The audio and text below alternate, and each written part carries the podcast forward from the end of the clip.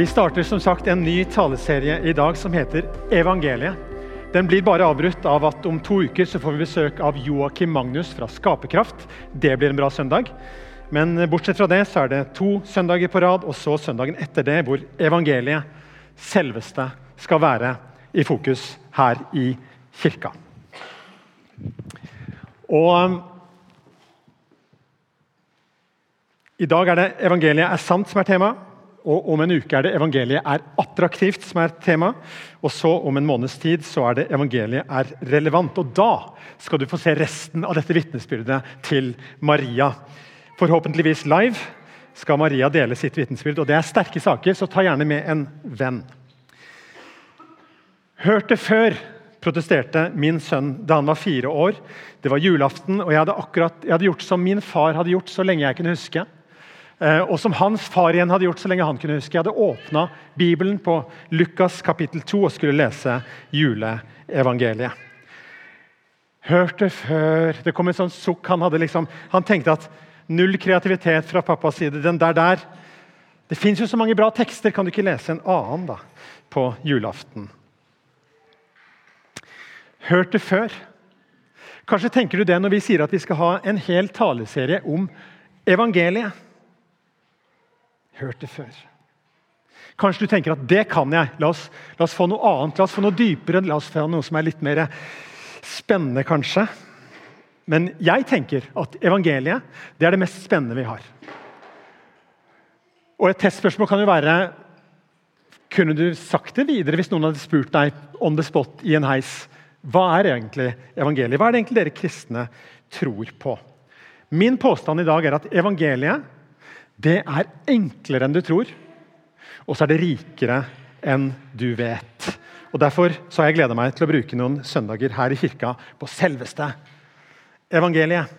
Og I dag er temaet at evangeliet er sant. Jeg skulle tale på en eh, studentkonferanse i Ungarn en gang. Um, og Studentene de hadde forberedt et langt dramastykke i flere akter basert på dette sitatet som er tillagt Frans av Assisi. Forkynn evangeliet, bruk om nødvendig ord. Og Det var et flott dramastykke. Problemet var bare at jeg hadde tenkt å si det motsatte av det det dramastykket sa. Og jeg hadde tenkt En sånn startvits skulle være sånn som dette her. Det var ei jente som kom til et nytt studiested. og så tenkte Hun at ja, hun var kristen da, så tenkte hun at nå skulle hun virkelig forkynne evangeliet, men hun skulle gjøre det uten ord. Så hun skulle være først og fremst god og snill og bare vise kjærlighet og vise hvem Jesus er gjennom livet sitt. Og dette gikk kjempebra. Og Et par uker var gått, og så, så sier ei av de nye venninnene hennes at eh, nå har, nå har, vi blitt så imponert av deg. Vi, vi, vi tenker at eh, noe må være med deg. og Vi har snakka litt sammen og lurer på er du kanskje vegetarianer.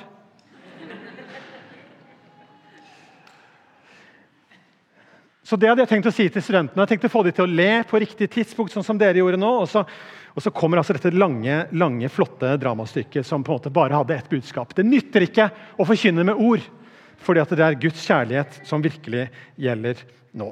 Og så, og så er jo begge deler sant. sant? Jeg hører ikke hva du sier, for livet ditt roper så høyt, er et kjent ordtak. Jeg syns det var funny at de hadde laga det lange, flotte dramastykket, og så hadde jeg likevel et poeng som sa egentlig det motsatte. For vi trenger ord. Evangeliet Jeg vet ikke om det er fine formuleringer som virkelig gjør susen for deg. Og jeg vet heller ikke om, om det er på en måte ordene, det intellektuelle ved evangeliet, som virkelig setter deg i fyr og flamme, eller om det er realiteten at dette er noe som bærer i liv og i død.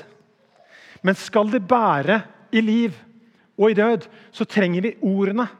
For dette ordene våre det er en gave til oss. De er bærere av mening. Og Derfor så trenger vi ord. Tenk deg Hvis du hadde blitt lottomillionær Håper ikke det skjer med deg, men det kunne hende at du ble lottomillionær. Og så, og så kommer det en funksjonær fra Norsk Tipping på døra, ringer på. Eh, det er bare det at De har fått en ny instruks i Norsk Tipping, og det er at du får ikke lov å bruke ord. Så der står han og, og, og vet at du har blitt lottomillionær. Og hjerte, hjerte og skjønner du, det hadde blitt litt håpløst. De kommer ikke på døra, nei. Nei, de ringer, ja. ja. Ja det blir jo bare enda verre hvis de ringer deg og sier 'hallo'. Ja, hallo. hallo. Lyktes ikke å få kontakt med den nye lottomillionæren. Tragisk, da. Det kunne blitt et bra dramastykke for studentene i Ungarn. det skal jeg tipse de om. Vi bruker ord ganske enkelt fordi at evangeliet er et budskap. Og Det jeg skal si i dag, det er at evangeliet er sant. Og Hva er det det betyr at evangeliet er sant? Blant annet så betyr det dette. Det er sant fordi det korresponderer med virkeligheten. La, la oss bli i det der bildet med lottomillionæren. Altså, du har vunnet 1 million kroner i Lotto. Du vet ikke ennå. Og Så ringer en fra Norsk Tipping og så sier han med ord Du er vinneren av Lotto denne gangen. Du er nå millionær. Tulla. Jeg er ikke fra Norsk Tipping. Hvis ikke pengene kommer på konto for deg, så er det jo samme hva han sier. Hvis ikke de ordene han sier, har korresponderer med virkeligheten, så er det jo samme hva vi sier. Du er rik. Du er millionær. Du er vakker. Du, nei, jeg skal ikke ta all den. Men det må stemme med virkeligheten. Og du er vakker. Du kan ikke bare si ting, og så er det ikke en virkelighet. Valgløfter er det noen som kaller det. Du kan ikke bare si ting, og så er det ingen hold i virkeligheten. Hvordan kan vi så vite at det der med Jesus er sant? Er det ikke bare sånn som noen kynikere sier, godt påkomne eventyr? Er det ikke bare en tro?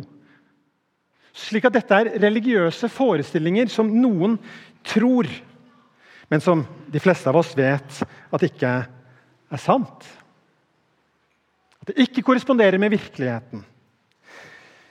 Det er fantastisk å få lov til å forkynne evangeliet. For til forskjell fra alle andre religiøse forestillinger og livsfilosofier, så er evangeliet etterprøvbart. Evangeliet handler om noe som skjedde spesifikt i historien. På et gitt sted, i en gitt tid, i virkelighetens verden. Ordene om hva som skjedde den gangen, det er evangeliet. Selve ordet evangeliet, eller evangelium er et gammelt ord. Det var ikke sånn at Paulus og apostlene eller Jesus for den del fant opp ordet evangelium.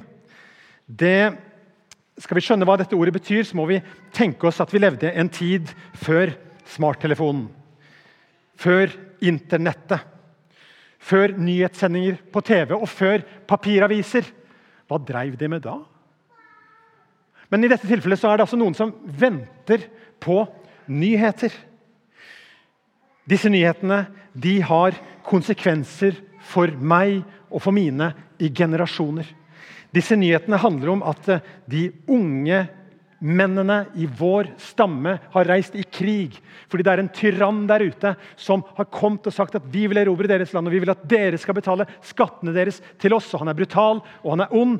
og Derfor har vi sagt at friheten vår er verdt å kjempe over. Vi har sendt våre unge menn av gårde. Og så kommer det en fyr med de nyhetene. Du ser han langt der borte. Han løper det han makter.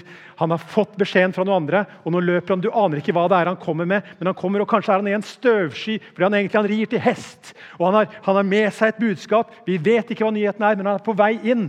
Og han har gode nyheter. Da er det evangelion. Det er det ordet Paulus bruker når han skal snakke om hva som har skjedd i vår tid og i vår verden. Så Derfor så åpner romerbrevet sånn. Paulus, Kristi Jesu tjener, hilser dere. Jeg som er kalt til apostel og utvalgt til å forkynne Guds evangelium. Det som Gud på forhånd har gitt løfte om gjennom sine profeter i hellige skrifter. Evangelium betyr de gode nyhetene. Derfor har disse fire biografiene om Jesus fått betegnelsen evangelier i vår bibel. Evangeliet til Matteus, og Markus, og Lukas og Johannes.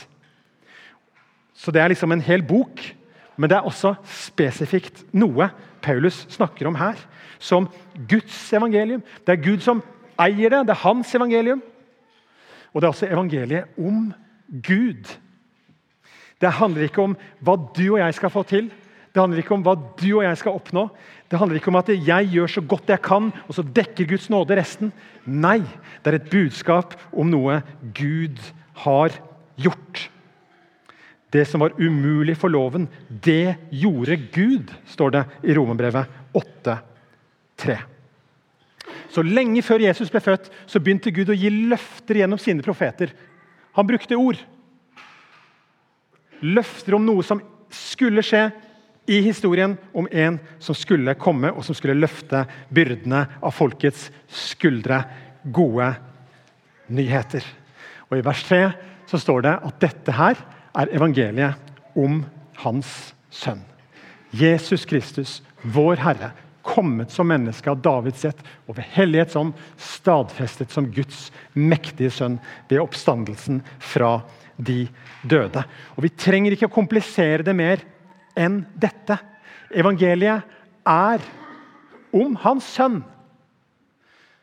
Så Hvis du husker bare det fra talen min i dag, så har du fått med deg alt du trengte. Evangeliet kan formuleres så enkelt. Det er historien om Jesus. Evangeliet om hans sønn. Derfor er det enklere enn du tror. Det er egentlig bare fortellingen om Jesus. Det med Jesus. Det er evangeliet. Og Samtidig er det rikere enn du vet, fordi vi skal forkynne hele evangeliet om Jesus. Vi skal forkynne om hele hans liv, hans død, hans oppstandelse og alt det som dette bringer med seg inn i ditt liv som en gave for alle som tar imot det. Det er evangeliet. Det så kanskje smått ut. Han var født utenfor ekteskap. Han var født inn i fattigdom. Han var nesten tatt livet av av Herodes. Han var flyktning de første årene av sitt liv. Men dette er ikke små ord. Han ble stadfestet til å være Guds mektige sønn ved oppstandelsen fra de døde. Har dette rot i virkelighetens verden? Eller er det bare fine ord? I virkelighetens verden skjedde oppstandelsen. Og den er etterprøvbar. Jeg er av og til så heldig at jeg får lov til å stå på en scene og snakke for studenter og, og være grillobjekt i Grill en kristen, og de kan stille alle de vanskelige spørsmålene og alle de harde, tøffe innvendingene mot den kristne tro. Og Da pleier jeg å stå sånn med veldig stor frimodighet og så sier jeg at hvis du bruker vanlige historiefaglige kriterier og tester ut oppstandelsen, så holder den vann. Vi bruker ikke andre kriterier historiefaglig enn det man bruker f.eks. om Cæsars kriger eller hva som helst som skjedde i antikken. Det er det samme vi bruker når vi tror at oppstandelsen skjedde i det virkelige livet. Det er etterprøvbart. Og det er mange nok som har tenkt at nå skal jeg en gang for alle motbevise kristendommen. Paulus sier i 1. Korinterbrev 15 at hvis ikke oppstandelsen skjedde, så er vi de ynkeligste av alle mennesker. Og jeg tenker av og til at Det tror folk om oss, for de tror ikke oppstandelsen er sann. så de tenker om oss at vi er de ynkeligste av alle mennesker. og Paulus sier de på en måte rett. Hvis ikke oppstandelsen har skjedd, så er vi de ynkeligste av alle mennesker. Troen vår er tom. Troen vår er meningsløs. Men den er ikke det, for det skjedde i virkelighetens verden. Og det er etterprøvbart. Men så er det sånn at eh, alt dette objektivet som, som, er sant der ute, og som skjedde én gang i historien for 2000 år siden, det må ha relevans i ditt liv i 2023. Og Derfor er evangeliet sant, ikke bare fordi det er noe objektivt der bak, men det er sant fordi du kan koble det objektive med det subjektive. Herlig med fremmedord. Altså Det er noe som skjer i deg når du sier det som Maria sa i sitt vitnesbyrd. Jeg skjønte at evangeliet var for meg. Og Når noen gjør det for første gang, så blir de født på ny. Og Så får de et nytt liv, og så starter en forvandling som aktiviseres. Og For tredje gang så skal jeg bli det der bildet om lottomillionæren. La oss si at du har blitt lottomillionær. Han har ringt til deg, du har skjønt det, men pengene kommer ikke på konto. Eller la oss si de kommer på konto, men du aktiverer aldri den kontoen, så du får ikke nytte og glede av de pengene. Da hjelper det deg ikke. Det må tas imot. Og det er det som skjer når du tror at det er for deg. Han kom til sitt eget, men hans egne tok ikke imot ham. Men alle som tok imot ham, dem gav han rett til å bli Guds barn. De som tror på hans navn. Så det er objektivt sant, men det blir subjektivt i ditt liv når du begynner å takke Jesus for det og tar imot han. Pilatus han, han vrei seg unna. Han sto rett ved han som sa om seg sjøl 'Jeg er veien, sannheten og livet'. Han som sa at sannheten er ikke en filosofi, sannheten er en person. Det er meg. Alle som er av sannheten, hører min røst, sa Jesus til Pilatus. Lakonisk, sier Pilatus, var sannhet. Det går an å vri seg unna. Det går an å snakke filosofisk om sannhet til vi på en måte bare mister det. Men vi mister det ikke hvis vi får Jesus, for han er sannheten. Så det er ikke de filosofiske irrgangene rundt hva sannhet kanskje kan være, som kommer til å redde deg, men personen Jesus kommer til å redde deg. Og så trenger du og jeg noen sånne bilder. Fordi at eh,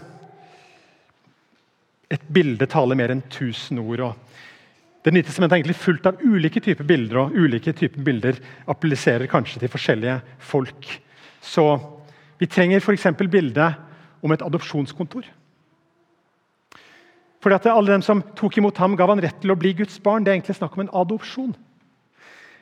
Og Adopsjon det betyr jo at du setter deg ned ved et bord og så signerer du noen papirer, og så plutselig så er alt forandra for det mennesket som er adoptert.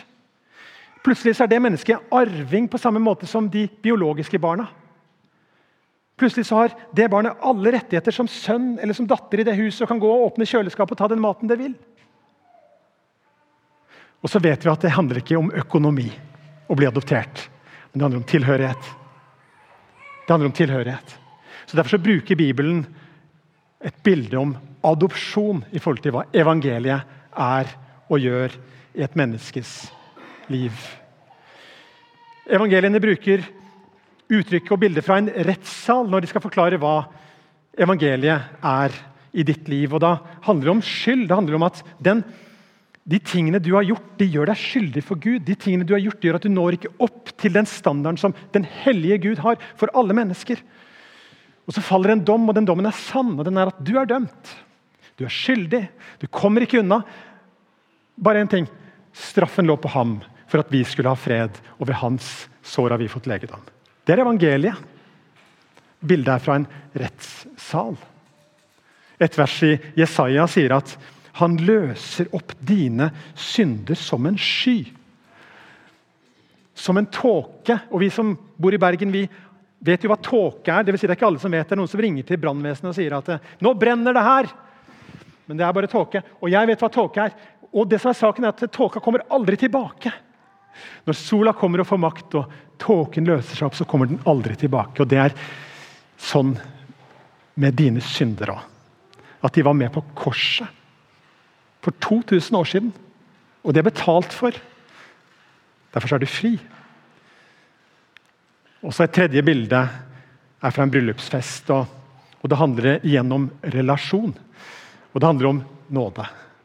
For det handler om at I dette bryllupet så er det ikke balanse mellom brud og brudgom. Det er ikke sånn at to like barn leker godt sammen og finner sammen fordi de er så like. Vi har så samme humor. eller noe sånt. Det er ikke det det går på. i det hele tatt. For han er totalt annerledes enn deg, og han har sagt sitt ja og inviterer deg til å si ditt.